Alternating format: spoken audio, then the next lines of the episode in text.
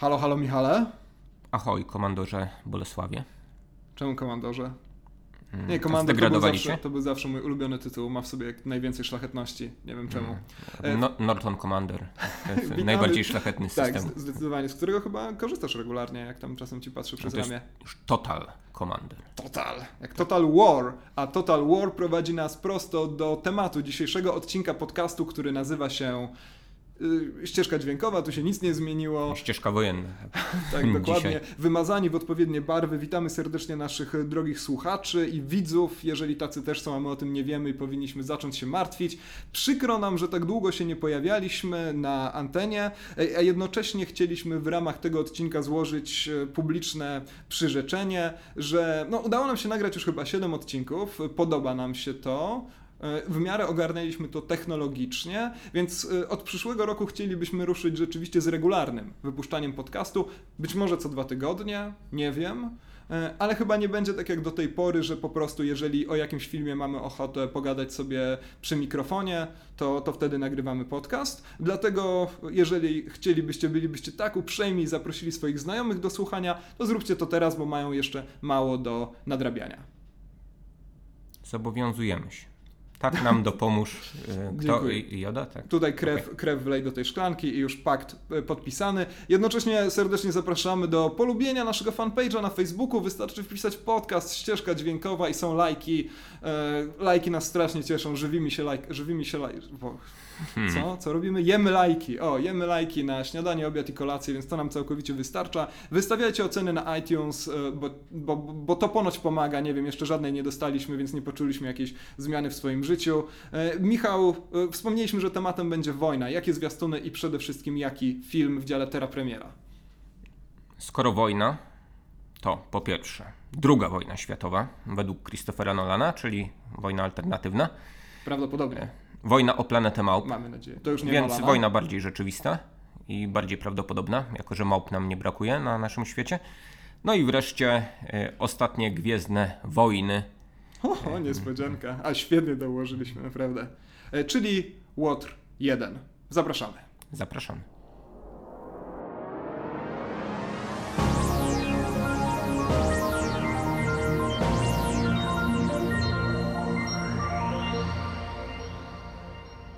Obejrzeliśmy zwiastun Dunkierki, nowego filmu Christophera Nolana, filmu, który nie będzie się rozgrywał w kosmosie. Nie wiadomo jeszcze. Na razie wiemy, że ma najbardziej. To znaczy, będzie się rozgrywał w kosmosie, ale w galaktyce mlecznej, tak, na planecie Ziemi. Jeżeli ktoś rzeczywiście nie wie, jakie są złowrogie konotacje z Dunkierką, no to jest to taki bardzo wyjątkowo, wyjątkowo bardzo niezachęcający tytuł. To, to, jest takie ładne słowo, Dunkierka, ono się kojarzy z cukierkiem, na przykład z ciepłem domowego zacisza i tak dalej, a tymczasem chodzi o coś wręcz przeciwnego. No tak, chodzi s, s, s, o sytuację z II wojny światowej, w zasadzie z samych jej początków, y, odwrotem spod Dunkierki, kiedy to siły alianckie zostały zepchnięte na skraj wybrzeża, no i musiały y, to siły angielskie przede wszystkim ewakuować się dosyć szybko y, za sprawą y, odezwy angielskiego premiera. Zostały uruchomione kutry rybackie i różne jednostki dostępne, jako że marynarka e, brytyjska już w zasadzie nie miała czym dysponować, no i, dzielni rybacy, prości ludzie ratowali wówczas żołnierzy, czyli mm, no, będziemy tutaj mieli e, film o bohaterstwie zwykłych ludzi, jak sądzę, e, no i taki film, który jest no, dość ciekawym, dość ciekawą próbą spojrzenia na pewien epizod wojenny, no bo to nie będzie film o heroicznym zwycięstwie aliantów. No ale z drugiej strony niewiele wiadomo. To, to mnie się najbardziej podoba, że zwiastun sugeruje nam po prostu rasowy film wojenny, chociaż rasowy to może niedobre stwierdzenie, bo rzeczywiście nie zmierza on tutaj do wiktorii w glorii i chwale, choć, choć, choć gloria i chwała Chyba, że będzie to historia alternatywna też. Ale właśnie, pytanie jakie sobie musimy zadać to, czym Christopher Nolan zepsuje ten film? Jaki tam się pojawi jakiś taki detal, który nagle wszystko wywraca na drugą stronę? No i istnieje coś takiego, taki problem jak tajemnica Dunkierki, tak? E, niestety, kiedy wgłębimy się w tę tajemnicę Dunkierki, to dowiemy się, że chodzi po prostu o to, że Hitler z jakiegoś powodu zdecydował zatrzymać się, to natarcie na siły alianckie, no ale historycy są zgodni co do tego, że chodziło tutaj o to, że chciałby mieć jakiś pretekst do tego, żeby negocjować pokój. No ale Christopher Nolan na pewno znajdzie tu jakiś zupełnie inny, tajemniczy powód. Czy to wszystko było snem w kosmosie? Robota? Mam szczerą nadzieję, że tak. Czy pójdzie tu w jakieś okultystyczno-nazistowskie klimaty rodem z Hellboya? Mam nadzieję, że tak. Christopher, musisz czymś zepsuć wrażenie takiego rasowego filmu wojennego. Szczerze ci kibicuję, żeby były w tym roboty, kosmos, sen, no i niech będzie ten, ten okultyzm i szatan. Czemu nie? Jakąś odpowiedź znajdujemy w tym zwiastunie jednak, ponieważ tam jeden z żołnierzy mówi, yy, dlaczego czołgi się zatrzymały. Otóż no, chcą nas muzykę. bombardować z powietrza. Yy, ciekawa koncepcja, tak? Ma, ma, mamy dość duże siły uderzeniowe na lądzie, no podczas gdy nie wiem, Hitler chyba nie był aż takim fanem Luftwaffe, żeby E, żeby preferować ich ponad, po, fanem, po, po, plakaty nad łóżkiem. ponad inne e, jednostki. No, zobaczymy, czy będziemy mieli sceny z Hitlerem, bo niestety w zwiastunie ich nie ma. Nie ma, tak jest. No bardzo możliwe, że... No ale Nolan przede wszystkim ukrywa te sceny, które dzieją się w odległej galaktyce, w równoległej rzeczywistości e, i tak dalej. To, co jest ważne, to to, że filmu na pewno nie zepsuje Jonathan Nolan. Z tego się bardzo cieszę. Jonathan, którego Christopher za sobą ciąga przez dużą część swojej kariery, zapewne dlatego, że mama im kazała, to znaczy przy świętach, gdzieś tam przy kolacji wigilijnej, mówi Krzysztofie, trzymaj ze sobą Jonathana, daj mu pozwól mu coś robić, bo ja tu z nim w domu nie szczymam. No bo jest na przykład jeszcze trzeci brat Nolanów, który nie pracuje w filmie i co? I siedzi w więzieniu. No więc być może dlatego Christopher opiekuje nie pisze się. scenariuszy tam? Nie wiem, może, może pisze autobiografię i pisze muzykę. Scenariusz Prison Break. E, ale może dlatego Christopher zwykle opiekuje się Jonathanem, jednym z gorszych scenarzystów w Hollywood. Bardzo dobrze. No a nie uważasz, że... że na przykład ta gwiazdorska obsada może zepsuć film o zwykłych szarych ludziach, tak? Ale mm. też, znaczy nie wiadomo też, czy oni grają zwykłych szarych ludzi. No widzimy Marka Rylansa opromienionego tak, tak, rzeczywiście. Rylance jest zwykłym Oscarem. człowiekiem. On ma taką twarz szarego tak, tak człowieka. Tak, prowadzi Chyba, właśnie... że kojarzycie z w tym wielkim gigantem Spielbergowskim, prawda? To, no już teraz tak. To jest inna sprawa, ale mnie się bardziej kojarzy z człowiekiem, który zabrał Oscara Sylwestrowi Stallone. Mhm. Standing Man przede wszystkim. Jest jeszcze Killian Murphy, jest Kenneth Branagh, jest Tom Hardy. No właśnie, nie za dużo do takiego filmu. Ale to, to znowu jest takie Nolanowisko, prawda? Dużo głośnych nazwisk, część z nich głośna dzięki temu, że wcześniej występowała u Nolana. No ja tak jak mówię, czekam na to, czym on ten film przekręci na drugą stronę. Y, ja nie lubię filmów y, Christophera Nolana, ale jednocześnie bardzo go sobie cenię jako twórcę. Wydaje mi się, że jest jedynym takim reżyserem w Hollywood, który nie dał się przetrawić franczyzą, mimo że przecież zrobił po pierwsze trzy filmy o Batmanie, po drugie, choć chronologicznie po pierwsze, remake, czyli bezsenność, czyli tak naprawdę te dwie podstawowe strategie twórcze Hollywood mu się jak najbardziej udzieliły, e, ale jednocześnie on mi się kojarzy z takim twórcą z lat 70., który po pierwsze ma wizję, nawet jeżeli ta wizja mi się nie podoba, to muszę docenić, że ona jest. A po drugie, jest w stanie zgromadzić taką kasę, jaką proporcjonalnie kiedyś byli w stanie zgromadzić Scorsese, Spielberg i, i tak dalej. I, I zarazem jest wielny dość tradycyjnemu sposobowi kręcenia filmów, prawda? To znaczy, ten film akurat ma być w 3D, w IMAXie. Tak, ale czym się na, na, na 70, na 65. się na, tak, ale, ale jest bardzo dużo zabiegów takich. Yy, dość konserwatywnych, tradycyjnych, statyści zamiast komputera i tak dalej. Tak, bo on ciągle siedzi głęboko w tej tradycji amerykańskiego blockbustera, za którą ja wzdycham. E, no, potrafi wydać ogromne pieniądze tylko po to, żeby coś wyglądało. Widać było, że jest to analogowe, nie komputerowe. komputerowe. Ta scena z Incepcji, kiedy jeden, z, kiedy, kiedy jeden z bohaterów, właściwie tam jest kilka postaci, biegają po tym pokoju, który się odwraca i tak dalej. To przecież wszystko, o ile dobrze mi wiadomo, odbyło się w specjalnym specjalnie wybudowanej, e, maszynowo poruszanej scenografii, więc Nolana trudno nie cenić. Ja też jednocześnie na pewno na ten film pójdę, choć no Interstellar według mnie jest jedną z gorszych produkcji XXI wieku.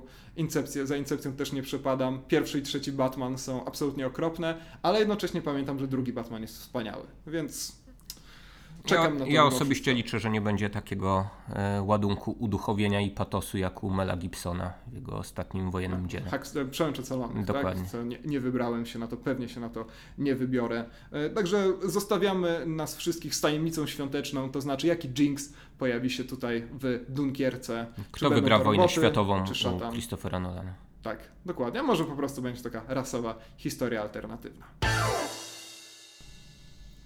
Z wojny w bliskim nam kosmosie przenosimy się do wojny w przyszłości, czym robimy sobie jakiś taki mały pomost między e, naszym pierwszym zwiastunem a filmem, który będziemy omawiać. No nie, oddalamy się raczej, bo film, który będziemy omawiać dzieje się dawno, dawno temu, a ten film dzieje się w przyszłości. Więc Mm, gatunkowo się okej. zbliżamy, choć ciągle uważam, że film Christophera Nolana będzie zwariowanym science fiction, e, ale e, chronologicznie chyba się od- oddalamy. Nieważne. No dobrze. Mamy omówić y, zwiastun y, filmu Wojna o planetę Małp, a więc y, trzeciej części już franczyzy, cyklu, który Tak. zapoczątkowany został genezą planety Małp Franczyzy, która się lat, lat doczeka- temu 7. Tak, tak, tak. Nie, ja tu mam napisane, że to jest 2011 rok, Geneza. Czyli lat temu A. 5. No dobrze, przepraszam. Ale w każdym razie- słaby jest. Ja też, dlatego mam to zapisane wszystko tu. Mhm. Tak, 5. E, tutaj odjąć ułamek. E, w każdym razie niesamowite jest to, że ta nowa wersja franczyzy chyba doczeka się tylu filmów minimum, ile ta zupełnie pierwotna, prawda? Bo tych planet, pl- planetów małpów było jakoś No zobaczymy, jak y, będzie reagowała y, publika w przypadku tego cyklu, y, który zaczął film y, z Charltonem Hestonem w latach 60. Zainteresowanie publiczności y, malało w sposób geometryczny, no, proporcjonalnie do budżetu. Właśnie, tak? Każdy, każdy kolejny film kosztował mniej więcej dwa razy mniej, i, no i za, zainteresowanie było dwa razy mniejsze. Mamy komiks, mamy animowany serial telewizyjny, później Mamy mieliśmy tego Bartona. o, okropny remake y, Tima Bartona. Na, najgorszy film do tej pory Tima Bartona, choć Tim Barton bardzo mocno się stara, Według żeby... mnie to był taki film, który właśnie no, żeby położył, po, położył Bartona i już od czasu tej nowej planety Małp, po prostu tej swojej planety Małp, bo już nie nowej, e, nie był w stanie się podnieść jako, jako reżyser, jako stylista ciągle sobie tam Już się uczłowieczył ale- od tamtego. Tak, tak, tak, dokładnie. Został w tamtym uniwersum Małpim. E, Geneza planety Małp, czyli pierwsza część tego nowego cyklu, to jest blockbuster wybitny. Znakomity film, y, niewątpliwie blockbuster roku, jak twierdzisz, 2000 2011, tak? Więc- Jeżeli nie widzieliście tego filmu, to znaczy, że zmarnowaliście rok y, 2011. I zdecydowanie najlepszy film z Jamesem Franco ever. W ogóle, Y, tak. Znaczy, no nie będzie lepszego filmu z Jamesem Franco, no bo James Franco jest Jamesem Franco, a tutaj y, na szczęście e, Tak. ust, ustępuje y, mądrzejszym małpom od siebie Pola i no tamten film naprawdę był objawieniem niesamowitym, no potem Trochę szkoda, że Robert Wyatt nie zrobił zasłużonej otóż- kariery. On teraz siedzi w telewizji, kręci chyba serialowego Egzorcysta. O, o, otóż to, to Ale znaczy wiem, jest, jest to reżyser cokolwiek konfliktowy z tego, co ym, czytałem o nim.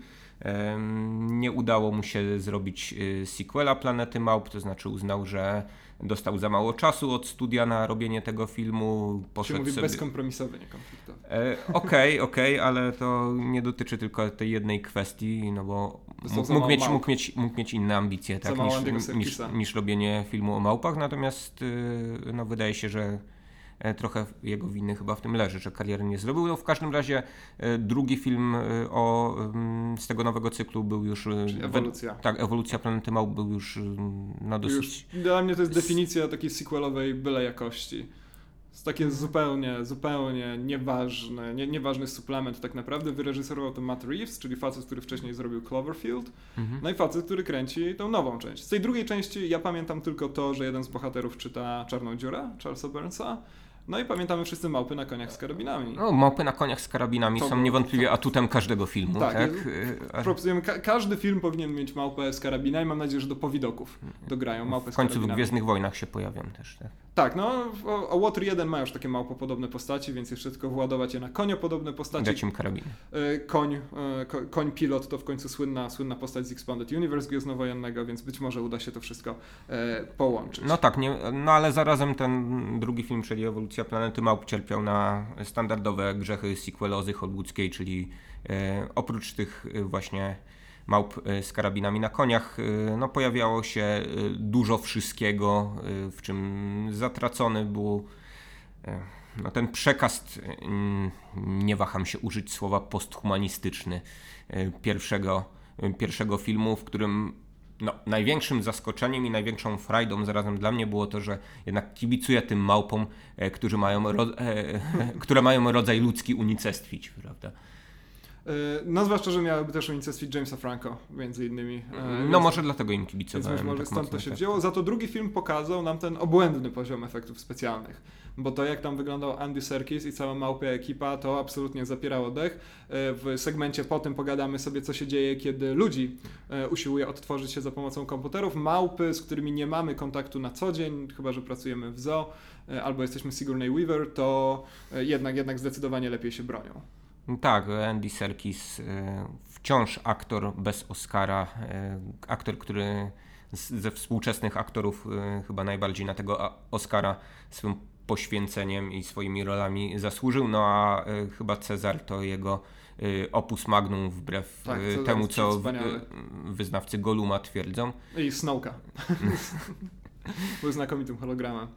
E, zobaczymy. No tutaj trzecia część, tak jak wspomniałem, też Matt Reeves. I co? Obejrzeliśmy sobie pierwszy zwiastun, w którym okazuje się, z którego dowiadujemy się, że tym razem głównym ludzkim bohaterem jest Woody Harrelson, którego ja bardzo lubię, ale on zawsze pojawia się już w takich filmach, które mają trochę mniejszy budżet, z którymi związane jest dużo e, którego, którego twórcy, producenci i tak dalej nie chcą za bardzo ryzykować, ale jednocześnie czuję do niego ogromną sympatię, jak każdy, kto obejrzał w, nowym, w młodym wieku urodzonych morderców.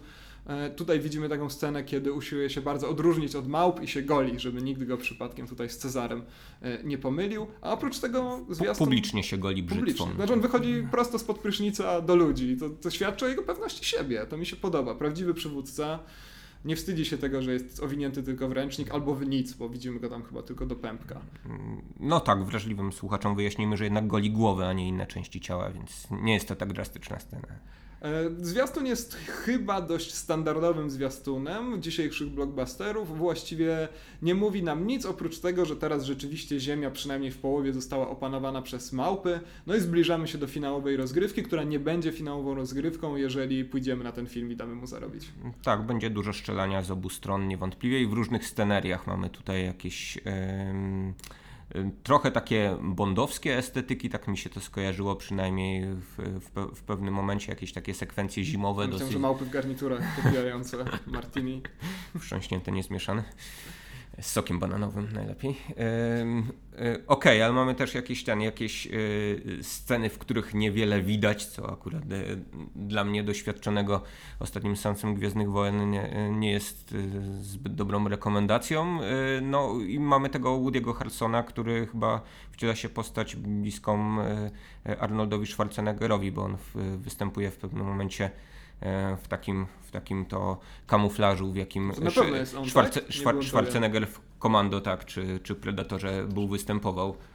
Może kilka cytatów też się No chyba, że pojawia się jakiś... Cezar nie jest brzydkim sukinsynem, tak jak pamiętamy z Predatora, zdecydowanie nie, nie może tak zostać nazwany. No w tym zwiastunie wygląda brzydziej jednak jakieś no bo już jest małpie miny robi. wojną. Hmm. Mnie bardziej martwi to, że widzimy taki, takie dość standardowe tło postaci Harrelsona. W jednym z ujęć oglądamy sobie stół, gdzie mamy tak piersiówkę, z której wylewa się whisky, małpią zakładam czaszkę, zdjęcie najprawdopodobniej zamordowanego przez małpy, najprawdopodobniej syna Harrelsona i tak dalej, więc boję się, że tutaj będziemy mieli do czynienia jeszcze z zaślepieniem osobistą vendettą. Jakby osobista vendetta jest super w życiu, kiedy na, jakby trzeba mieć cele w życiu, e, Osobista vendetta jest znakomitym celem i polecam każdemu, ale w filmach to rzadko, rzadko się sprawdza.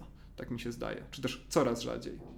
No tak, boję się jednak takiej bieganiny, łupaniny, szczelaniny, która będzie przenikać ten cały film, no, która jakoś już e, dostatecznie pogrzebie tę franczyzę no, pod takim ideologicznym e, po, mm, na tym ideologicznym poziomie, tak? No, pogrzebie to, co e, oferowała nam, nam pierwsza część.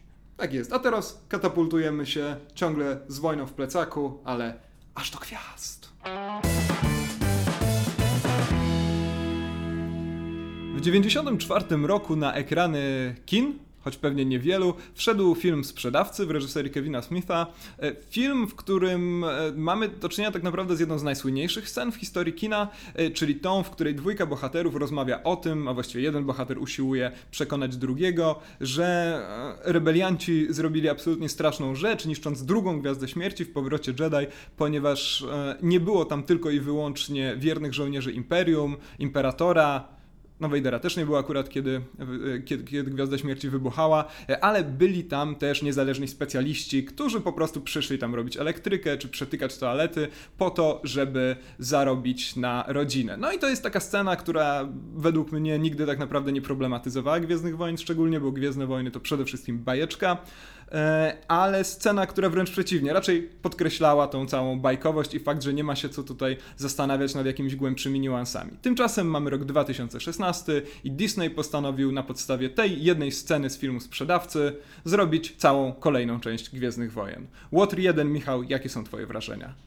A może zanim o 3.1 to bajeczka bajeczką, ale przecież y, mamy uczone socjologiczne y, wynurzenia takich filmoznawców y, jak my, a może mądrzejszych trochę na temat Gwiezdnych Tylko Wojen i, i co się tam y, w nich dzieje. No i można powiedzieć, że okej, okay, że to całe niszczenie Gwiazdy Śmierci, no to przecież jest y, przyzwolenie na e, takie uderzenia wyprzedzające, jakie konserwatywni, zwłaszcza prezydenci amerykańscy nam proponowali, tak?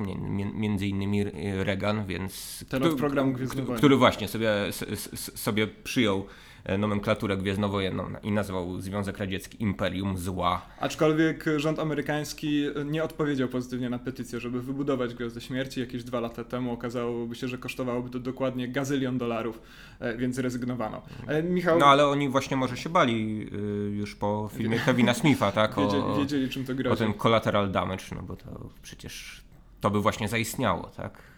Biedni hydraulicy. Biedni z Polski. Hydraulicy, no, tak, tak, tak. No, zwłaszcza, zwłaszcza nie tak przystojnie jak ten, który kiedyś wyjechał do Francji. No, przystojnie jak Super Mario. Michał, jak, jak twoje wrażenia z filmu Water 1?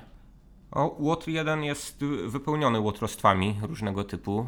Yy, niestety nie tylko na poziomie fabularnym, ale też na, na poziomie yy, no, samej struktury e, tego filmu, to jak on jest zrobiony, z jakich elementów się składa. Ja tutaj największe zastrzeżenia mam do cyfrowych aktorów, o których e, nie wiem, czy w tym momencie chcesz porozmawiać. Nie, myślę, że dojdziemy do nich w pewnym momencie. sam koniec, ale... Ten film ma dużo, dużo innych grzechów, tak, nawet bardziej, zdaje mi się, podstawowych. Ja tutaj zdradzę, że ja przede wszystkim może zaznaczę na samym początku, że nasze podejście do Gwiezdnych Wojen trochę się różni, to znaczy Michał w tym aspekcie jest po prostu przeciętnym, zdrowym obywatelem, e, a ja... Skromnym mugolem, padawanem. Tak, a ja uważam Gwiezdne Wojny za jedną z najważniejszych rzeczy w historii ludzkości.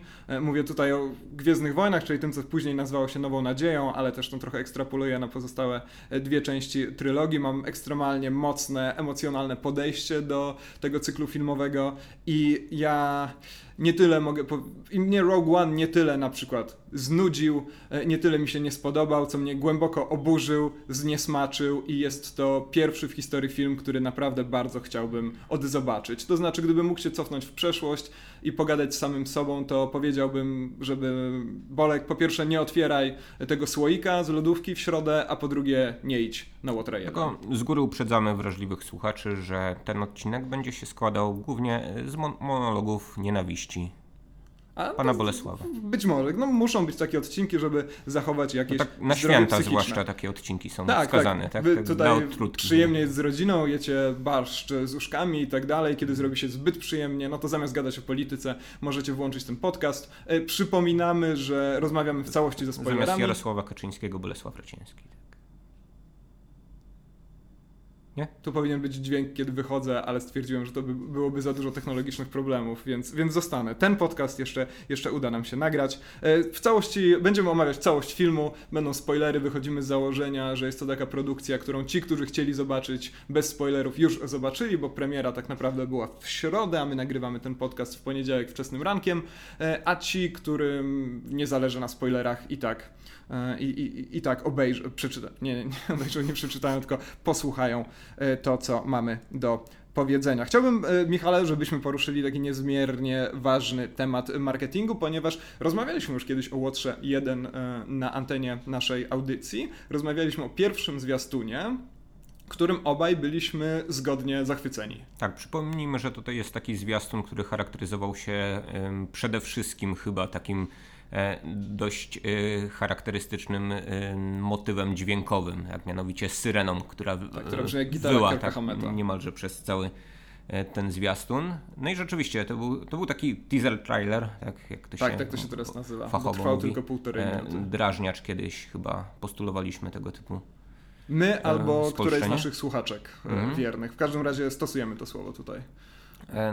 No więc on rzeczywiście drażnił zmysły, pobudzał wyobraźnię i kreował wyobrażenie na temat tego, jak wielki to film będzie, ponieważ. Tylko... Wprowadzał kapitalną bohaterkę, mm. potencjalnie mhm. kapitalną, mm. bo odezwała się trzy razy, ale jak się Felicity Jones wtedy odzywała, no to ciarki przechodziły. Tymczasem praktycznie żadnej, żadnej ze scen, które widzieliśmy w zwiastunie, nie zobaczyliśmy w gotowym filmie.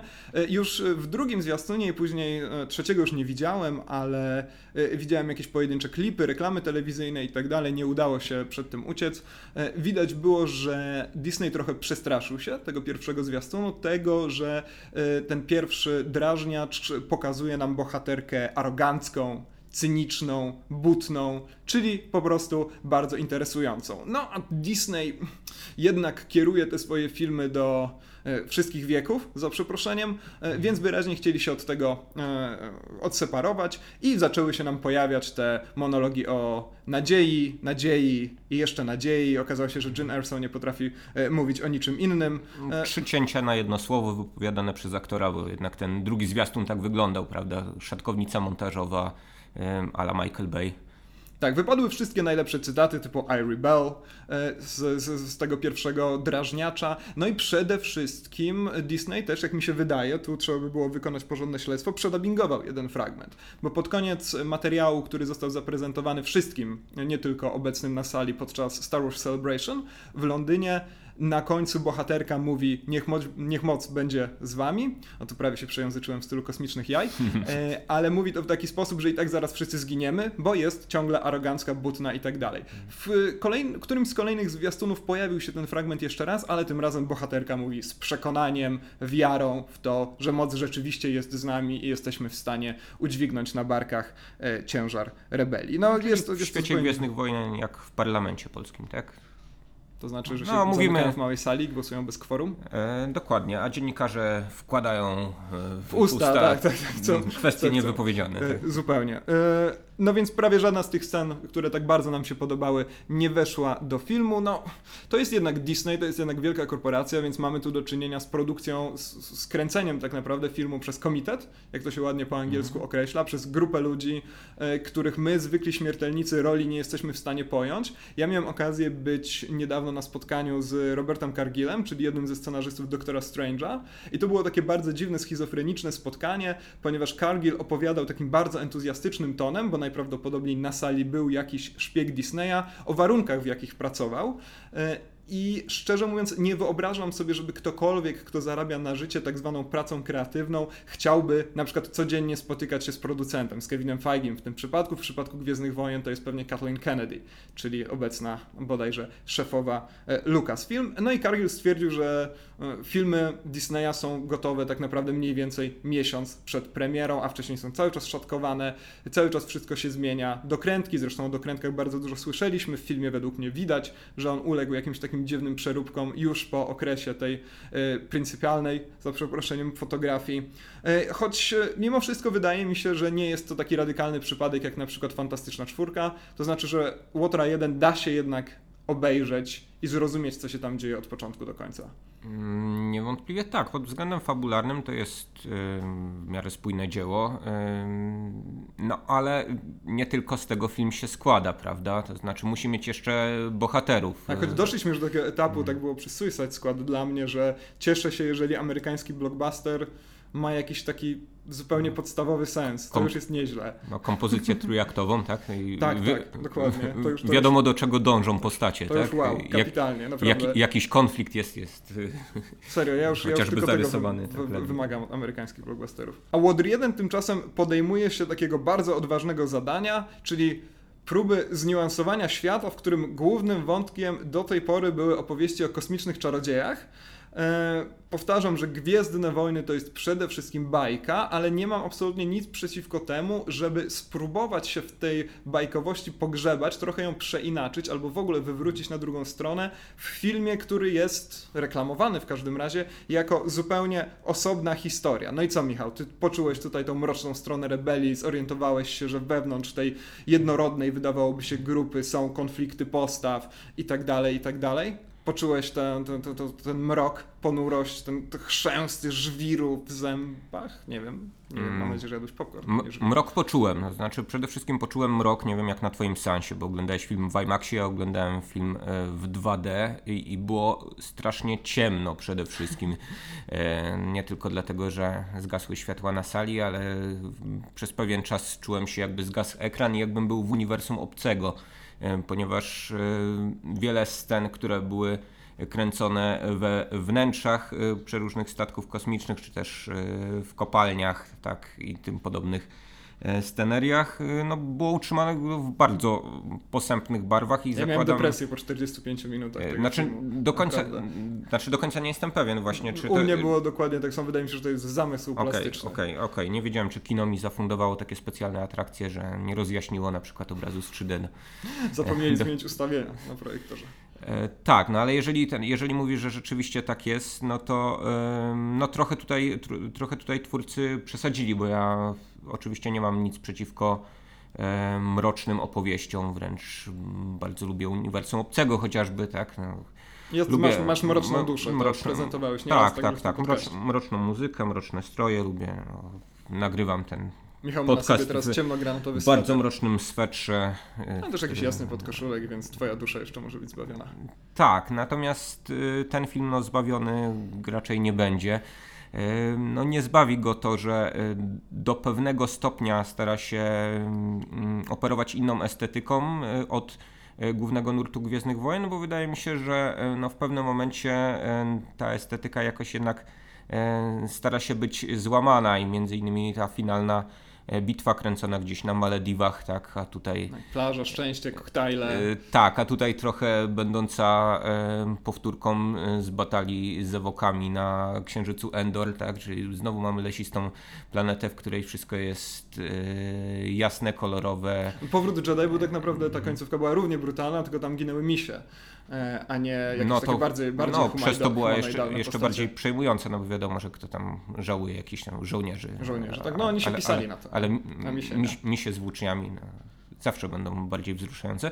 Natomiast e, chciałbym wrócić do tego wątku, który poruszyłeś a propos właśnie baśniowości tego świata, ponieważ e, e, wszemi wobec właśnie m, tak Gwiezdne Wojny są traktowane i tutaj przez dłuższy czas e, akurat e, Gareth Edwards i cała spółka Disneya jakoś e, stara się od tego e, uciekać, właśnie pokazując tych zwykłych szarych ludzi, którzy gdzieś tam w, w obozach niewolników pracują, znaczy wykuwają imperium, tak, tak, a, tak, okay. tak. No, a no bądź też spiskują, tak. No to są dwie rzeczy, które możesz robić. No, ale w, w, w kopalniach Kessel. No, ale w pewnym momencie jednak wkracza na E, arenę dobrze nam znany czarny rycerz e, z mieczem świetlnym, no, który to rycerz mieszka w ogóle e, w Ortanku prawdopodobnie albo Barad-dur. Tak, w Mrocznym Zamku ten... w Wulkanie na Mustafar najprawdopodobniej. Ja akurat lubię, tę, lubię ten pomysł. On nie należy do Garetha Edwardsa, to jest pomysł jeszcze z pierwotnych pomysłów na powrót Jedi, a może nawet na Imperium kontratakuje.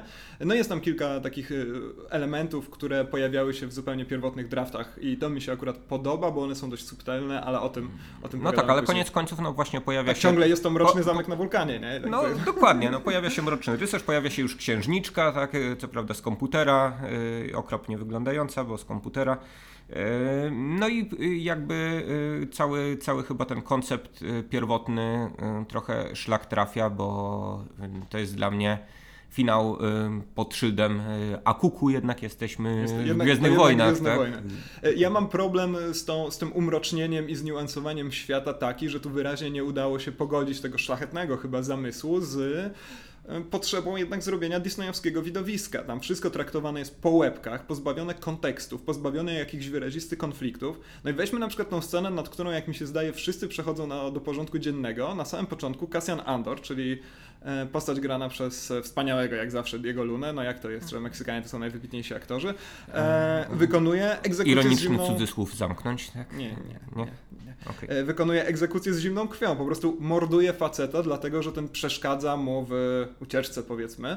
E, No i to jest scena, która jest zupełnie znikąd. E, Ja rozumiem doskonale zamysł komunikacyjny reżysera, który chce nam pokazać, patrzcie, co trzeba robić w imię rebelii, ale cholera, jeżeli główny bohater morduje jakiegoś, o ile nam wiadomo, raczej niewinnego faceta i ta scena jest zupełnie y, wyjęta z jakiegokolwiek kontekstu, później tylko dowiadujemy się, że jest kilka osób, które coś tam robiły, jakieś straszne rzeczy w imieniu rebelii, ale to w ogóle nie jest sproblematyzowane. No, wed- według mnie to jest obleśna scena. Ja wtedy byłem już, no to jest początek filmu, ale ja już wtedy byłem na takim poziomie, na takim etapie. Na początku nigdzie nie było napisane, że to Gwiezdne Wojny. Może to nie są Gwiezdne Wojny. To jest jakiś film pod tytułem Water 1, który dzieje się dawno, dawno temu w odległej galaktyce, ale dużo filmów. Tam Spin-off do spin-offu taka tak, scena, tak, tak. tak? Może, może to wcale nie są Gwiezdne Wojny. No to była odpychająca scena. i Zbyt często na ekran. Outtake z planu, który został wmontowany do zupełnie Gdzieś przypadkowy. tam jakiś tam 17 producent Znaczy, siedział przy to- stole montażowym, to powiedział, Myślę, myślę że. Z, zabawiali się na planie y, swoimi blasterami. A, zaszczelę cię, tak? A, a, a, a potem kto, ktoś, kto zaczął to montować, kto nie miał dostępu do pierwotnego draftu. Tak, bo ta scena jeszcze była w ramach tych takich dzikich sekwencji montażowych, gdzie przeskakiwaliśmy przecież przez 15 minut z planety na planetę, więc nie było Bo, czasu bo trzeba przedstawić tysiąc postaci, Tak, tak, tak, y, tak. które wszystkie zginą. O, wielki spoiler. I e, zbyt często w tym filmie ekran jest wypełniony wyłącznie przez niesympatyczne albo nieinteresujące postaci. Bo mnie się bardzo podoba ta idea, nie wiem, skonfrontowania Mon Mothmy na przykład z jakimś innym generałem, dowódcą, czy jakkolwiek im, ich tam nazwać, bo to oni chyba są ciągle mocno niesformalizowani. E, chociażby, nie wiem, z Sołem Guerrerą, tak, który jest tym e, złowrogim ekstremistą, ale tam nie ma na to czasu, nie ma na to miejsca. Raczej chodzi o to, żeby strzelać w lewo i w prawo. Trzeba jeszcze wepchnąć Darta Vadera, trzeba jeszcze wepchnąć Tarkina, do tego wszystkiego sobie jeszcze przejdziemy. I wychodzi z tego jakaś, jakaś taka zupełnie obleśna satyra na Gwiezdne Wojny. To trochę, może satyra to złe słowo, ale nie wiem, czy pamiętasz ten taki e, krótki filmik, e, re- remake w cudzysłowie Power Rangers, gdzie wszystko było takie bardzo ponure, bardzo mroczne i ten film chyba w ogóle powstał właśnie jako parodia tego założenia mrocznych remake'ów, e, bo wszystko tam było maksymalnie przesadzone, wykręcone na maksymalny poziom czerni i, i tu wyglądało to dokładnie tak samo. Naprawdę, pierwsze 40 minut tego filmu było, było naprawdę dla mnie o, Znaczy ja to- okropnym przeżyciem. Ja to trochę czytam tak, że o ile Przebudzenie Mocy było ym, powszechnie e, chwalone za to, że przywołuje tę magię Gwiezdnych Wojen, prawda? Przywołuje tę atmosferę kina nowe, no, robi nowej to przygody. takim E, bezczelnym zabiegiem. Tak, ale właśnie ganione było za taką ostentacyjność w nawiązaniach, tak, za przepisywanie pewnych partii fabularnych wręcz wprost e, ze starej i jedynej porządnej trylogii gwiezdnowojennej. O tyle tutaj e, do pewnego stopnia ten film wyglądał tak, jakby twórcy chcieli właśnie e, ustosunkować się do tych zarzutów, to znaczy zareagować na nie tak, że kręcimy film o 180 stopni e, wykręcony e, w stosunku do tego, co było w Przybudzeniu w Mocy, czyli, czyli odwracamy się od estetyki Gwiezdnych Wojen, po czym gdy y, zaczęli y, montować ten materiał, stwierdzili, że ale przecież nie ma Gwiezdnych Wojen w Gwiezdnych Wojnach, więc y, dowrzu dowrzucamy tutaj jakichś takich elementów, które, materiału, który być może jednak do- niuansował. do uniwersum Żeby przynależą, ciekawiej. tak. No ale właśnie zamiast tego być może właśnie mm, zostały, zostały powrzucane niektóre sceny, które mm, no mają łączyć tenże spin-off y, z Gwiezdnymi Wojnami, no ale przez to zaburzają jednak trochę strukturę tak, tego filmu. Tak, no tam po prostu. Dużym problemem scenariuszowym tego filmu jest to, że tam wszystkie sceny są wyłącznie po to, że służą wyłącznie A. ekspozycji, B. posunięciu fabuły. Tam po prostu nie ma miejsca na scenę, które, które miałyby na celu rozbudowę postaci. I dlatego absolutnie nic o nich nie wiemy, one nie są interesujące, a wszystkie te kwestie, które miałyby nadać właśnie jakieś szarości tej pozytywnej, jasnej, jak ją pamiętamy z Gwiezdnych Wojen rebelii, no sprowadzają się do tego, że to jest festiwal jakichś brzydactw. Bez, bez sensu, tak naprawdę. Znaczy, powiem tak, no jestem też przeciwnikiem jakiejś y, łopatologii specjalnej na ekranie.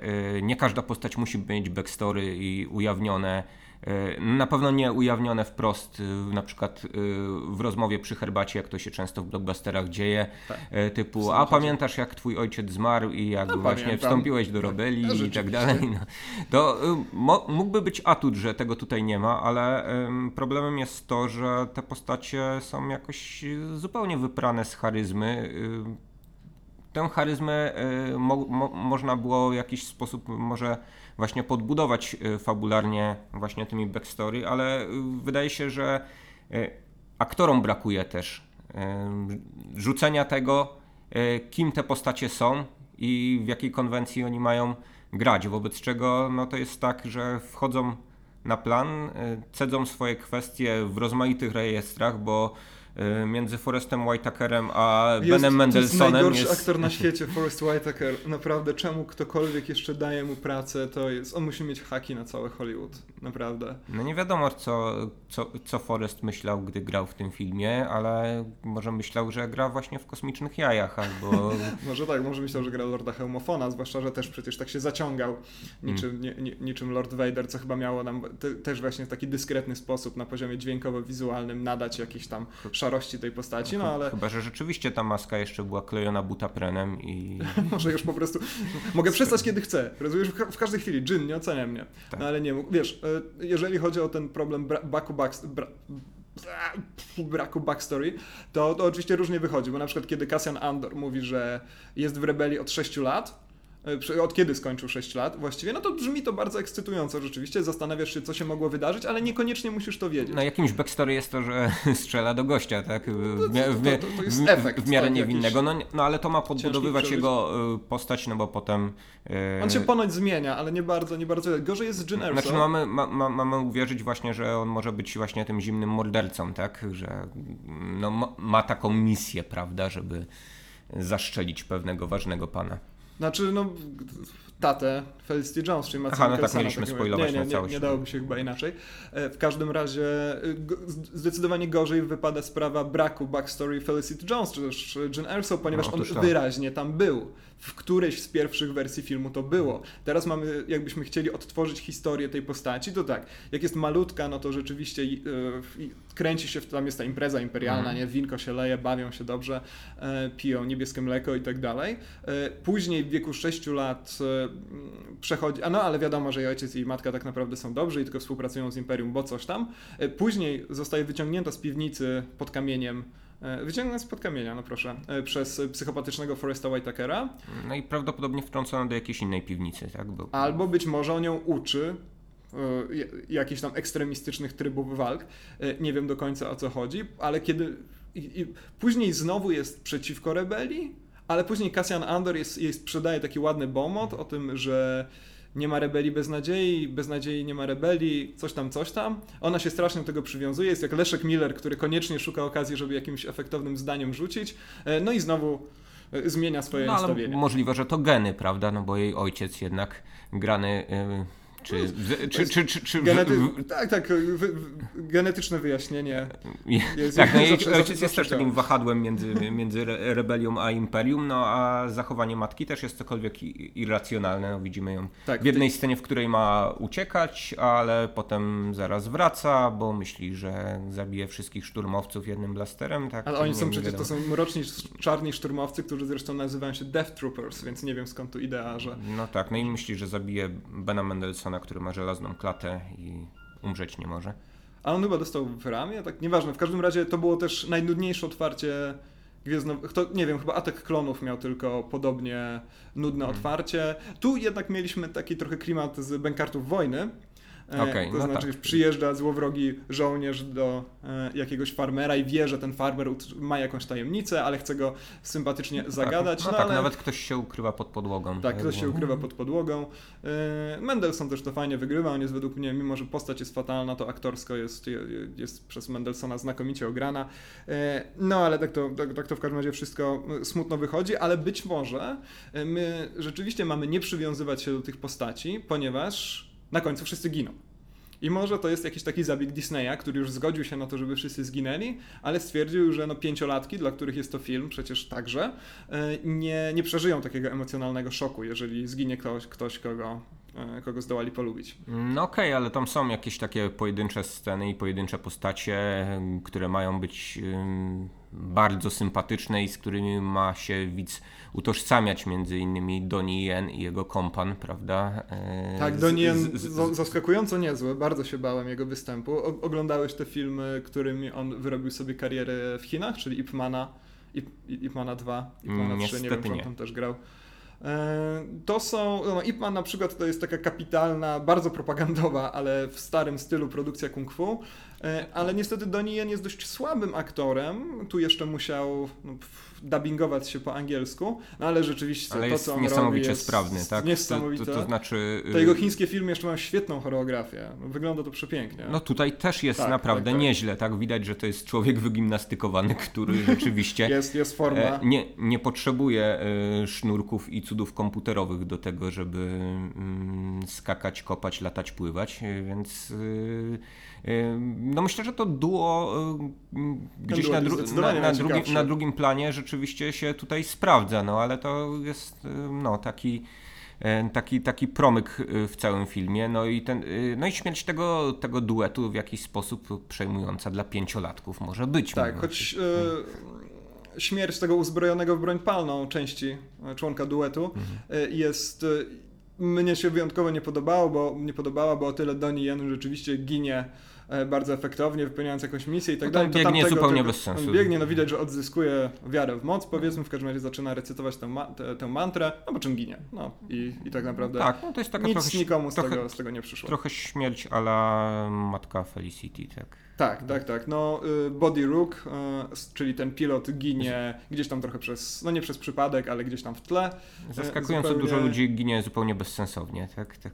Tak, no ale to jest, może też to ma być element tego, że, że to jest wojna, prawda? Mm. I w wojnie, podczas wojny śmierci rzadko W prawdziwie przejmujący sposób e, giną, giną chyba tylko żołnierze rebelii, którzy e, uskuteczniają e, no, takie rugby z dyskiem twardym, z planami Gwiazdy Śmierci, prawda? W jednej chyba z najlepszych scen całego filmu, takiej scenie, która trochę mi przypominała Terminatora? Nie, scenę, scenę z Władcy Pierścieni Dwie Wieże, kiedy to E, trzeba było z kolei znaczy, po orczej stronie przetransportować ten e, kaganek oświaty pod hełmowy jar. Kaganiec. tak, kaganiec oświaty. E, no więc, więc okej, okay, no mamy, ma, mamy chyba jakieś takie właśnie przebłyski jednak mimo wszystko tego, że jakiś koncept za niektórymi postaciami czy za niektórymi scenami Jak najbardziej. stał. Tak? Też uważam, że przebłyski widać, ale one gdzieś tam zostały zduszone być może jeszcze na poziomie pierwotnego scenariusza, być może to jest tylko nasza iluzja, że coś takiego kiedykolwiek było, a być może dwa tygodnie przed premierą postanowiono wymontować jeszcze kilka fragmentów. Zwłaszcza, że wiele reklam, chociażby ta reklama, która towarzyszy pewnej sieci komórkowej, e, zawiera bardzo dużo klipów, z, mm, z które, które nie weszły mhm. w rezultacie a, do filmu. A jakie jest Twoje zdanie na temat y, tego, co mogłoby być przyczyną utraty y, jakichkolwiek zdolności aktorskich przez y, główną aktorkę tego filmu tak naprawdę, bo jeżeli ją zestawimy nawet z, z młodziutką bohaterką y, Przebudzenia Mocy, no to to jest też dla mnie przepaść prawie taka właśnie jak między Forestem Whitakerem a Benem Mendelsonem. Problem z Felicity, z Felicity Jones jest chyba taki, że ona po prostu musi w różnych rejestrach odmieniać słowo nadzieja. I tyle. Ona tak naprawdę nie ma nic więcej do grania. Te sceny, gdzie ona rzeczywiście mogła się popisać jakąś taką bardzo pociągającą butą i arogancją, no, ale wyleciały ma... z filmu. Został jeden no, wymiar no, ma, Ale ma tam speech jest... motywacyjny, który wy, wy, wy, wypada był, tak. tak jakby y, jednak pierwszy raz czytała z kartki te kwestie. Bardzo możliwe, że tak było. Być może ją nie, nie mam zamiaru tu bronić Felicity Jones, bo przed filmem obejrzałem sobie kilka pozostałych produkcji z jej udziałem i z zaskoczeniem stwierdziłem, że to wcale nie jest tak dobra aktorka, jak zawsze myślałem, że jest. E, ale nie widziałem tego nowego Langdona Howarda, to znaczy Rona Howarda, no tam tego kolejnego kodu Da Vinci. E, ale, ale... Wnioskując po ocenach na Metacritic, nie należy nie, tego Nie warto. No też pewnie tego jednak e, koniec końców nie zobaczę, e, ale wracając do na przykład tego, e, tej mowy motywacyjnej, bardzo możliwe, że było tak, że wiesz, na przykład pół roku po zakończeniu zdjęć wezwali ją, żeby jeszcze coś tam dograła, na szybko. Na przykład i, i to, to, tak się dzieje. Słuchałem sobie kiedyś rozmowy z facetem, który grał drugoplanową rolę w Zjawie i który miał tendencję do tycia, jak sam się przyznał. Bardzo dużo tłuszczyku zrzucił do roli w Zjawie, po czym kiedy skończyli zdjęcia, to przybrał z satysfakcją znowu na wadze, po czym okazało się, że musi jeszcze dokręcić kilka scen gdzieś tam w Argentynie, czy gdzie oni tu kręcili, e, no i prawie, prawie umarł od diety, którą, którą musiał na szybko zastosować. Też nie myślał o, e, o graniu, pewnie. E, więc tak, tak bym tłumaczył. To znaczy, no to jest oczywiście domyślanie się, ale no tam jest kilka takich fragmentów, które, mhm. które widać, że zostały dodane, no ponieważ tak, ale... nagle ktoś wymyślił, wymyślił, że powinniśmy coś no, takiego to jest, dodać. To jest chyba główny problem z tym filmem, że tutaj brak postaci, która by ten film niosła. Tak, prawda? jak no, najbardziej. No, kilka postaci trzecioplanowych no, nie zrobi żadnego filmu. Tak, pamiętamy tylko i wyłącznie ten duet Base i Chirrut, bo oni bodajże tak się nazywają, który w ogóle wprowadza kilka fajnych, interesujących rozwiązań do Gwiezdnych Wojen jako uniwersum, do tego pewnie sobie jeszcze przejdziemy. No i jest to taki najbardziej efektowny wizualnie też, bo oni fajnie razem wyglądają, oparci są na, tak, na takim prostym fizycznym kontraście, no a do tego rzeczywiście jak Donnie Yen odpali tego swojego kija, to no to jest to, jest to, jest to przeurocze. No tak, no, ma, mamy wreszcie y, postacie komputerowe yy, wykreowane za pomocą CGI. Yy, mamy też robota z komputera, kolejnego śmiesznego robota. Tak, nie wiem, zresztą przez Alana Tudyka, którego chyba każdy na świecie lubi. No nie masz dosyć śmiesznych robotów. Y, już nawet u Christophera Nolana, kompletnie tam, nie, niezabawnego reżysera, takie występują. Ale tam te roboty dobrze oddawały humor obu Nolanów, bo to był humor regulowany w procentach, o ile pamiętasz, i uważałem, że to jest do, doskonałe oddanie poczucia humoru zarówno Christophera, jak i Jonathana Nolanów. No tutaj chyba założenie K3 K2SO, K2SO, K3SO, jakoś tak nazywał się ten robot, e, było takie, że on nie tyle jest zabawnym robotem, co jest po prostu robotem, który jest e, pozbawiony jakichś wszelkich e, ograniczeń, które zwykle się tym robotom nakłada. I dlatego on jest z jednej strony groźny i nieprzyjemny, a z drugiej rzeczywiście rzuca dowcipy, które które nie mają być chyba w jego założeniu dowcipami. One są dowcipami hmm. dlatego, że tak, takie kreuje kontekst. No tak, no ale koniec końców chodzi mi o funkcję tej tak, postaci. Tak, no wiadomo, tak, że taki postać komiczna, taki sidekick. Który... Według mnie jest wyjątkowo przeciętny, bo jest w tym wszystkim bardzo niesympatyczny. Jest kolejną mhm. niesympatyczną postacią w, w, tym filmie. Kolejną nieinteresującą, niesympatyczną postacią. E, I kiedy w jednym z fragmentów pokazanym na Celebration widzieliśmy, no tak, kiedy on dostaje plecak i wypuszcza. Z, y, z Przebudzenia Mocy był chociaż ładny. Tak, no BB-8 też był po prostu, BB-8 był po prostu sympatyczną wersją R2D2, bo R2D2 hmm. też jest niesympatyczny, prawda? Jakby nie patrzeć. On był ładniejszym R2D2, tak. Tak, tak, tak. No to nie wiem, uroda robotów to jest kwestia dyskusyjna, każdy, no, każdy ma swoje gusta. Kulki podobają. Lubisz, tak, lubisz tak, takie tak, kulki, dobrze. Takie kolorowe. No więc e, nie ukrywam, że tak, tak nie, nie, nie, spełniał dla mnie tej swojej podstawowej funkcji comic reliefa, e, ale okej, okay, on jest chyba najmniej kontrowersyjną postacią wygenerowaną komputerowo. Widzimy w tym filmie Petera Cushinga. Tak, Petera Cushinga, który zmarł bodaj w 94 roku, tak? Coś takiego, na pewno gdy, w, no, w połowie lat 90 tak. E, wtedy, gdy sprzedawcy wchodzili na no właśnie. Może, jak, to, jak to zabili tam niewinnych ludzi? A może nie wytrzymał tego jako imperialny po No prostu. właśnie, teraz się zastanawiam, czy to nie Kevin Smith zabił. Być może Kevin Smith ma bardzo dużo grzechów na sumieniu na czele No nieważne, no, w każdym razie Disney wskrzesza Petera Cushinga, prawdopodobnie mm, to ma być y, faza testowa czegoś, co wkrótce do kina ma nadejść, bo ja już od dłuższego czasu czytam, że y, takie postacie jak chociażby James Cameron skupują e, prawa do nieżywych postaci, to znaczy do aktorów, którzy odeszli e, w celu wykreowania ponownego tychże aktorów za pomocą komputera na ekranie. I tutaj mamy chyba coś w rodzaju poligonu testowego dla tego typu działań, które niedługo w Hollywood mogą sprawić, że połowa aktorów straci pracę. to było strasznie obleśne, odpychające i kompletnie niepotrzebnie, niepotrzebne na poziomie fabularnym. E, ja wiedziałem, że tam Tarkin się pojawi. E, nie wiedziałem, że będzie e, rekreowany, że tak brzydko powiem, komputerowo i podobały mi się te pierwsze, podobało mi się te pierwsze kilka sekund, kiedy Tarkina wprowadzano. Najpierw widzimy go od tyłu, później widzimy jego odbicie w szybie Oczywiście wiemy już doskonale, że to jest y, Peter Cushing, tutaj robię air quotes dla naszych, y, dla, dla, naszych słuchaczy, a nie widzów, tutaj zebranych pod oknem, e, ale kiedy okazało się, że oni będą go wyciskać tak bardzo mocno, to byłem absolutnie przerażony. Dlaczego on się tam musi odwrócić i dlaczego musi być zbliżenie tych pustych oczu. No, parafrazując mojego ulubionego cudzysłów zamknąć prezydenta amerykańskiego, spojrzałem w oczy Petera Cushinga i dostrzegłem trzy litery CGI.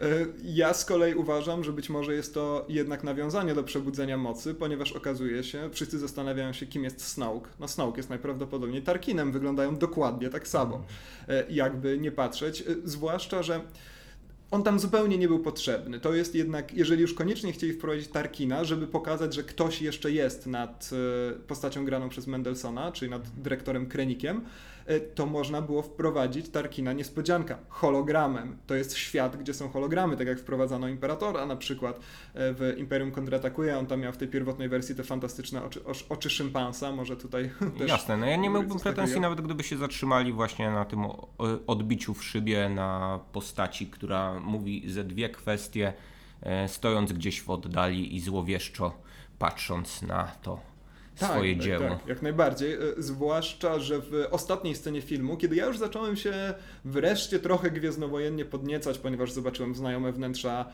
e, okrętu Tantive 4 i tak dalej, to kiedy zobaczyłem od tyłu księżniczkę Leję, to myślałem, jakby zupełnie zostałem wyrzucony z filmu i myślałem tylko o tym, czy pokażą nam tą szklaną maskę, czy, czy jednak nam teraz tego oszczędzą. Po czym pokazuje się to szklana maska.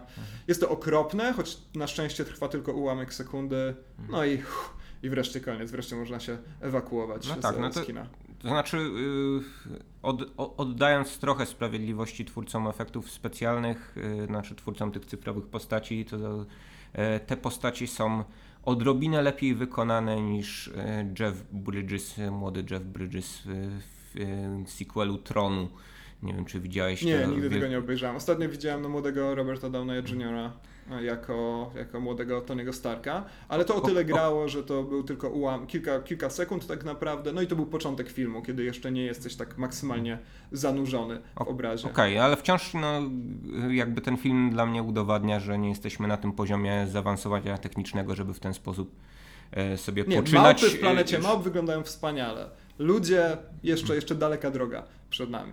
Naprawdę. No już abstrahując właśnie od jakichś kwestii etycznych czy moralnych, tak? No to jest też pytanie, bo to jednak ciągle, to nie jest odtworzenie, czy z jednej strony jest to odtworzenie Petera Cushinga, ale z drugiej postaci, e, fikcyjnej postaci wielkiego Moffa Tarkina. No tak, ale gdzieś na końcu tego procesu potencjalnie czai się ryzyko właśnie zrobienia filmu z Humphreyem Bogartem w którym Humphrey Bogart nigdy tak. nie chciałby zagrać. No, y, pod tym kątem dużym problemem dla mnie była ta reklama z wyciągniętą z trumny Audrey Hepburn. Mhm. Nareklamowała chyba jakąś włoską czekoladę, czy włoski skuter, co jest jeszcze włoskiego, makaron, piłka nożna, piłka nożna, średnio, ostatnio. Sorry Michał. E, w każdym razie trzecią postacią, która się pojawia gdzieś tam z, no nie z mroków pamięci, bo ostatnio widzieliśmy ją w Zemście Sithów, jest Darth Vader. Darth Vader, który jest wspaniały, dopóki się nie odzywa. Tak, ja musiałem doczekać napisów końcowych, żeby sprawdzić, czy rzeczywiście um, tubalny głos Jamesa Earla Jonesa stał się ledwie głosikiem. No i chyba tak się stało. Nie wiem, co się dzieje z Jamesem Earlem On Jonesem. jest starszy o 40 lat. E, okay. Przede wszystkim i to bardzo słychać w tym filmie. Y, tak, ale to jest ten kolej, ko, kolejny kamyczek w charyzmę bohaterów Gwiezdnowojennych. Tak, tak, tak zwłaszcza które... Darta Vadera, któremu już wyrządzono tyle krzywdy e, w prequelach, a tutaj jeszcze każą mu mówić jakby miał 80 no, lat. No więc tutaj musi wobec tego e, ściskać e, na odległość za gardło pięć postaci zamiast jednej, żebyśmy tak, no poczuli, że to I rzuca dowcip, tak. prawda? To jest też dość okropna scena. Jakby samo to wprowadzenie Vadera ono nie było złe, było, było tam kilka fajnych Poza wizualnych jego rozwiązań. Nie, jeszcze, jeszcze, mówię właśnie o tej scenie, kiedy mhm. widzimy go w Bakcie, okay. E, kiedy jest e, goły, golutki, jak go Pan Bóg stworzył, albo jak go Obi-Wan Kenobi stworzył raczej. E, I ten cień efektownie zmniejszający się. To jest wszystko ładne, mam problem z tym, że wprowadzają nam Vadera na początku tylko po to, żeby trochę pogadał, no ale druga scena z Vaderem jest znakomita. Jest naprawdę. Zupełnie zmieniamy rejestry, zaczynamy oglądać coś w stylu właśnie obcego ósmego pasażera, pasażera Nostromo. Vader jako tylko ten potwór, prawda, filmowy, który tak bardzo efektownie morduje 30 czy iluś tam rebeliantów. No to jest to jest kapitalnie pomyślana scena, wizualnie świetnie rozwiązana, e, więc to się, to się ogląda znakomicie. No i też widać, jaki on jest później wściekły, kiedy, znaczy jaki musi być wściekły, kiedy w końcu udaje mu się dostać na pokład Tantif, Tantif 4 na, na początku Gwiezdnych Wojen. Tak, tutaj pełna zgoda, że wspomniałem zresztą wcześniej, że to jest jedna z najbardziej przejmujących scen tego filmu, no pomijając yy, może fakt, że rzeczywiście mamy tu do czynienia E, z taką pogonią za McGuffinem, którym jest e, jakiś e, dziwny dysk w przedziwnie skonstruowanej bibliotece. No tak. I, i właśnie scenę, scenę wcześniej widzimy jak długo trwa proces y, uzyskiwania y, tego dysku między innymi. No, czy mniej więcej wygląda to jak zamawianie książek w Bibliotece Jagiellońskiej, tak, gdzie też y, tysiącem wind muszą one zostać przetransportowane. Tak, albo jak to się kiedyś robiło na uczelniach, jest pani lub pan na wrotkach i oni jeżdżą po takich przestronnych korytarzach i wyszukują katalogi. Wracając jeszcze na chwilę do tych postaci, które wróciły, to są dwie postaci, z których powrotu bardzo się cieszę. Nie mówię tutaj o Ponda Babie i doktorze Ewa Zranie, czy też Ewa Zranie, nigdy nie pamiętam jak się czyta e, jego, jego nazwisko, na których Jin wpada na, gdzieś tam na początku swojego pobytu na planecie Jedi. Dla mnie to było trochę zbyt grubymi nićmi szyte, ale bardzo się cieszę, że wrócili Garven Bryce i Dutch Vander jedna z moich ulubionych postaci oczywiście z Gwiezdnych Wojen, czyli liderzy Eskadry Czerwonej i Złotej w oryginalnych Gwiezdnych Wojnach. Brakowało mi tam Wedge'a Antilesa, który jest moją absolutnie ulubioną postacią, w każdym razie według starego kanonu w Gwiezdnych Wojnach. E, nie wiem, czemu go nie było. Być może Denis Lawson nie, nie chciał się tam znaleźć albo coś, ale, e, ale, ale, ale jego mi brakowało. Cieszę się, że w taki sprytny sposób wykorzystano e, materiały jakoś tam kojarzone z Gwiezdnymi Wojnami, bo nie wiem, czy dokładnie te ujęcia zostały wykorzystane w Gwiezdnych Wojnach, czy to może coś, co wypadło. E, nie wiem, nie, nie wiem jak to było. Dobre jest Twoim zdaniem to, że wróciły etaty. E, najbardziej niefunkcjonalna broń, e, jaką ktokolwiek kiedykolwiek wymyślił na ekranie? Ja mam dość duży problem w ogóle z tą ostatnią sekwencją bitwy, a nawet dwóch bitew, bo ja w tym momencie byłem już tak bardzo niezainteresowany tym filmem, że tak naprawdę widziałem po prostu, że ktoś nam się strzela, ktoś tam gdzieś biegnie, ktoś tam ginie. Bardzo mnie bawił ten montaż trzech sytuacji, to znaczy bitwa w kosmosie, bitwa na Ziemi i jako trzecia pełno napięcia sytuacja szukanie folderu w pliku i Opero, groźba... Operowanie tym chwytakiem, tak, prawda? To znaczy chwytakiem. przypomniały mi się najgorsze koszmary dzieciństwa, tak? Kiedy mieliśmy tę taką maszynę właśnie do wyławiania misiów. To było takie oszustwo, oddajcie moje Dokładnie. 70 zł w dwóch złotówkach. Do, do, do, dopiero gdy kiedyś stanąłem obok i stałem tak godzin, dwie, trzy albo, Udało ci się al, albo 30. Nie, nie, obserwując ludzi, y, którym się to nie udaje, stwierdziłem, że jest to jest Piekielna maszyna, tak? To było pierwsze twoje doświadczenie z y, rasą ludzką jako rasą oszustów, ciemniaczy. Zastanawiam się, czy ten, y, czy ten element miał stanowić funkcję dodatkowych zabezpieczeń, tak? W tej bibliotece Cytadeli e, Imperium. Co, co, co ciekawe, no, mają, mają taką cytadelę jedną, tak? Nie wiem, na nie całe mam, imperium. Ja nie znam tego nowego kanonu, I wszy, nie wiem, co, co I wszystko tam, tam wszystko tam się mieści? E, jak w Bibliotece Ale tak wynikało, że mają, tak, dokładnie, że mają tam Aha. absolutnie wszystko. Bardzo Więc jakby tak bawiło... tak Gwiazda Śmierci się pomyliła i tam strzeliła, to wtedy już nie zbudują drugiej i już nic nie zrobią. Tak, tak, tak. tak. No, no, bo ta biblioteka w zasadzie nie została zniszczona, tylko, nie, czy zniszczyli, nie wiem, nieważne. W każdym razie w ogóle wydaje mi się, że pierwotnie ta wieża była, tak można wnioskować z tych wyciętych scen, wieża była gdzie indziej niż biblioteka, ponieważ w wyciętych scenach widzimy, jak bohaterowie biegną po plaży z tymi mhm. planami. Bardzo mnie rozbawiło, kiedy Jyn Erso już dostała się na wieżę, po czym okazało się, że musi tam przekalibrować antenę czy coś takiego. Po prostu hmm. wyobraziłem sobie, jak automatyczne aktualizacje zaczynają się pobierać. Nie! I koniec, a tu Gwiazda Śmierci już się zbliża, a tu 96, 97. Zresztą później mieliśmy taką scenę, kiedy zgrywali. Ustawienia ręczne zawsze lepsze niż automatyczne. Tak. E, czy zabrałbyś na ten film swojego syna Tomeczka, Michał? Bo to przecież film Disneya. Nic nie wiem o moim synu Tomeczku. Hi twojego hipotetycznego pięcioletniego syna Tomeczka. No bo to hmm. jest film, film Disneya. Nie, pięciolatka to na pewno bym nie zabrał na taki film. Na żaden film bym nie zabrał pięciolatka. Pięciolatkowie powinni czytać książki, a nie chodzić do kina na jakieś głupoty. E, potem wyros... Wiesz, że on tak naprawdę siedziałby na YouTubie, tylko by ci mówił, że czyta książki. Wyrosną z nich, nie daj Boże, yy, fani Gwiezdnych Wojen Nie ma nic gorszego. Albo fani, sta- fani Star Treka, bo po takim, film, po takim filmie to po takim filmie to mogą wyrosnąć fani Star Treka, tak. Zwłaszcza, że no Star Trek Beyond był chyba, no chyba był lepszym filmem niż, niż O, Lost obejrzałem, Jedi. obejrzałem go dzień później i muszę powiedzieć, że tam y, jakkolwiek miałem problemy e, z niektórymi kwestiami, a między, między innymi, znaczy przede wszystkim z tą, że, że ten film jest y, robiony przez Justina Lina, tak jak kolejna część y, Szybkich i Wściekłych, czyli skła- e, składa się głównie z pościgów, wybuchów i, eksplozji, no to bawiłem się, y, dopóki mnie te pościgi i eksplozje nie znudziły No, do, do, do, do połowy. do, do połowy całkiem, y, całkiem nieźle i mm, przede wszystkim bardzo się cieszyłem, że wszystko dość wyraźnie widać na ekranie i, i, ten, Tak, i ten kosmos jest taki kolorowy i rozjażony różnymi światełkami, laserami i tak dalej. E, Więc y, no y, niestety muszę to powiedzieć, że w tym roku dla mnie Star Trek Ja tego Przed nie powiem, Wojnami. ja będę trzymał taką myśl gdzieś e, z tyłu, z tyłu głowy. Rozumiem, że nie oglądasz y, Star Treka z założenia, tak? Te, te, te, te- te nowe filmy rzeczywiście zdarza mi się oglądać, bo ja ciągle czuję potrzebę zobaczenia dobrego blockbustera w kinie, więc chodzę na te wszystkie produkcje, kolejne części franczyz przeróżnych i tak dalej. Zwykle wychodzę niestety zawiedziony. Ja na końcu chciałbym za to zdradzić, co mi się podobało w Łotrze pierwszym. E, Podobała mi się miejscami ogromnie strona wizualna, zdjęcia e, Grega Frasera, które, który rzeczywiście miejscami potrafił konstruować fantastyczne ujęcia. No i film jest znakomicie zmontowany, mimo że nie ma tych słynnych przejść gwiezdnowojennych, tego co po angielsku się tak ładnie nazywa wipes, nie wiem jak e, po naszemu by to określić. Ścieraczka, roletka. O, tak, tak, dokładnie. Rolet, roleta właśnie, to jest je, je- jeden z rodzajów tych charakterystycznych gwiezdnowojennych przejść. Tu tego nie ma. No w końcowych scenach jest kilka znakomitych zabiegów montażowych, gdzie przeskakujemy z, z jakiegoś szerokiego planu w jednym miejscu do bardzo bliskiego planu w drugim miejscu, tylko na ułamek sekundy, ale jest to bardzo komunikatywne, więc wygląda to znakomicie. E, A jak muzyka? Bo pierwszy raz oglądamy film gwiezdnowojenny, gdzie John Williams e, tylko kilka motywów od siebie dostarczył. No, obawiam się, że nie To zapamiętam. razem autor muzyki do Star Treka, przecież także do Star Trek Beyond, czyli Kino, tak? Tak, pan Giacchino. ym, obawiam się, że nie zapamiętam żadnego tematu muzycznego z tego filmu. Ja mam problem z oglądaniem gwiezdnowojennych rzeczy bez muzyki Williamsa, tej, którą kojarzył przede wszystkim, bo czuję się zawsze jakbym oglądał jakiś fanfilm.